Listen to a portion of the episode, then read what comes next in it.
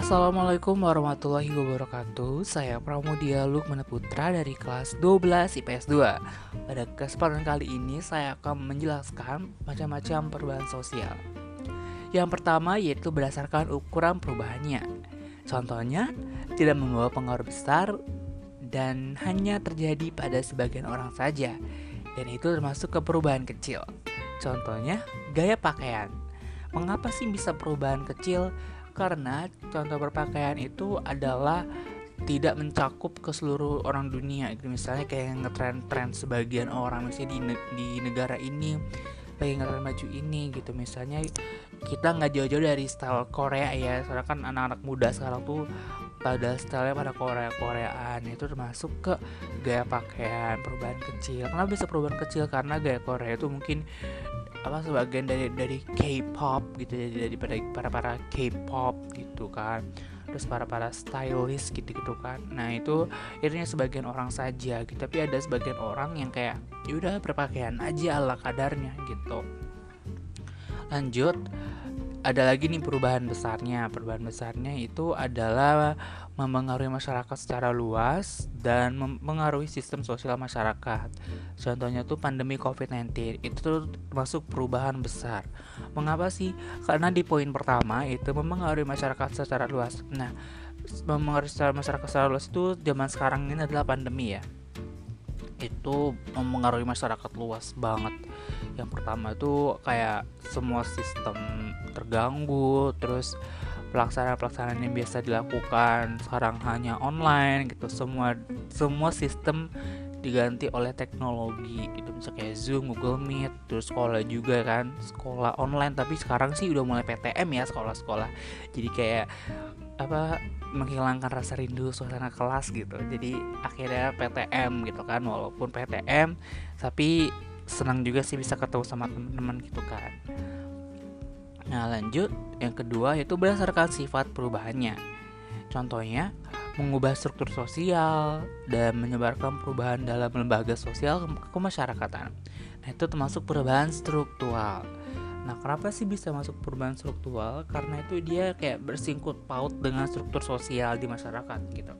Contohnya apa sih? Nah, contohnya itu pemilihan sistem pemerintahan atau KPU gitu.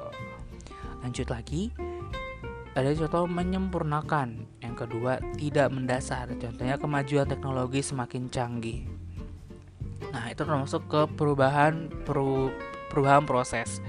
Nah, menyempurnakan menyempurnakan teknologi dulu tuh te, dulu tuh teknologi kan hanya kayak telepon genggam eh telepon telepon biasa telepon jadul dan beralih ke telepon yang berbasis pulsa dan sekarang udah yang berdata ya kan dari data internet 2G 3G 4G dan sekarang itu 5G gitu kan. Itu kemajuan teknologi yang luar biasa banget gitu.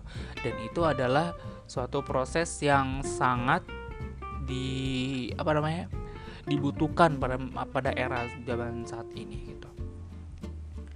Nah, lanjut yang ketiga itu ada berdasarkan berdasarkan sisi kemajuan dan kemunduran arahnya. Yang pertama yaitu membawa kerugian. Yang pertama, eh, maaf, membawa kemajuan. Yang kedua, perubahan yang diinginkan. Contohnya itu perpustakaan digital.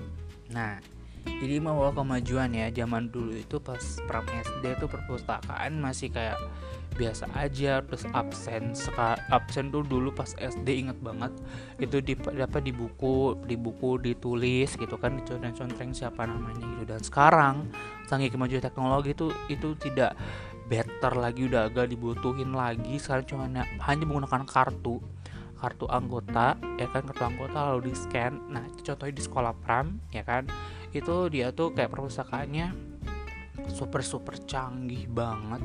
Karena absennya kita pakai kartu gitu kan. Kita masuk pakai kartu tinggal di scan langsung deh muncul nama kita di monitor kayak wow perfecto gitu kan. Kayak keren banget gitu.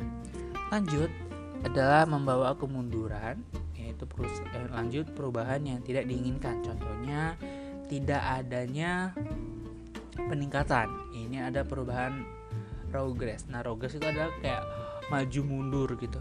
Dia kayak eh mau mau kemunduran mau progress kayak mundur. Dia kayak mundur aja mundur aja mundur aja gitu. Nah contohnya itu tidak ada ya peningkatan. Nah selanjutnya berdasarkan kecepatan berlangsungnya. Nah ini kayak berkaitan dengan waktu ya. Nah yang pertama itu adalah membutuhkan waktu yang lama. Terus yang kedua relevan itu perubahan perubahannya kecil itu termasuk perubahan evolusi. Contohnya perubahan sistem transportasi. Nah ini membutuhkan waktu yang lama. Mengapa? Karena tuh apa namanya di evolusi itu dia kayak cepet gitu perkembangannya. Kayak teknologi sekarang kan cepet ya. Gak lama gitu. Nah terus kayak apa namanya kayak transportasi sekarang ya kan ada ya KRL, MRT, terus ada pesawat sekarang segala macam ya kan yang semakin canggih gitu sistemnya. Lanjut lagi ke perubahan revolusi contohnya terjadinya secara secara secara abstrak terus terjadi pada dasar pokok masyarakat. Contohnya itu revolusi proklamasi kemerdekaan.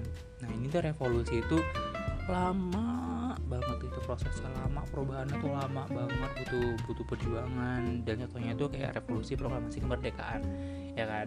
Revolusi kemerdekaan itu adalah suatu peristiwa yang sangat digembirakan sangat disakralkan oleh Indonesia gitu. Jadi tuh setelah melawan para para penjajah gitu lalu Indonesia bangkit dengan kuat tenaga dengan rela berkorbannya jasa-jasa pahlawan untuk memberikan Indonesia kemerdekaan. Dan akhirnya hingga saat ini Indonesia merdeka gitu. So jadi buat teman-teman sekalian nih generasi muda nih jangan ngelupain para para pahlawan nih. Karena kalau tanpa pahlawan pada saat itu kita nggak mungkin sampai sekarang kayak gini gitu. Nggak mungkin kayak menikmati kenikmatan seperti ini gitu. Nah jadi itu dia contoh perubahan sosial Kurang lebihnya mohon maaf. Wassalamualaikum warahmatullahi wabarakatuh.